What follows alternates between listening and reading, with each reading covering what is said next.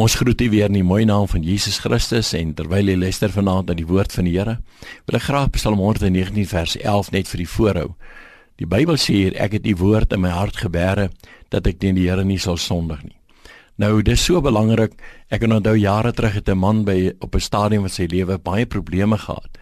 En toe het hy sommer die Bybel oopgemaak op 'n sekere plek en toe hy oopmaak, toe staan daar en Judas het homself gaan ophang.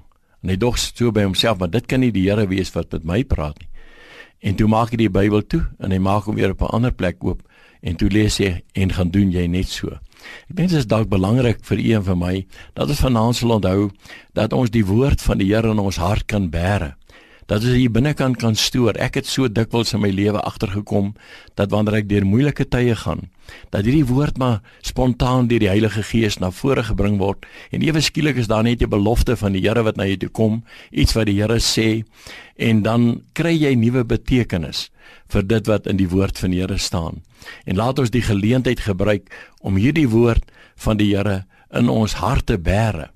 Jy weet dis my amper soos 'n stoorkamer wat ek hierdie beloftes vat en die gedeeltes uit die Bybel wat ek lees vat en ek bære dit hier diep binnekant in my hart.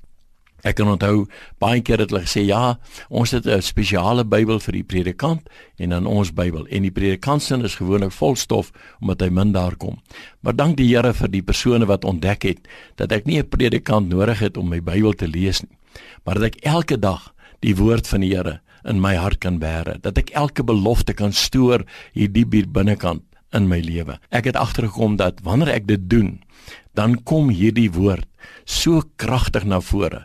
In tye wanneer jy dit nodig het, dan kom jy agter maar hier is 'n krag wat in jou werk, 'n krag wat net 'n ontploffing bring in jou binneste en wat vir jou sê dat die Here sal vir jou deurdra. En ek wil u aanmoedig vandag ook. Kom ons maak die Bybels weer op. Kom ons hou huisgodsdiens. Kom ons kry die gesin bymekaar. Kom ons kry die familie bymekaar en lees uit die woord van die Here. Mag die Here vir u baie regeer seën en mag die woord van die Here nuwe betekenis kry. Amen.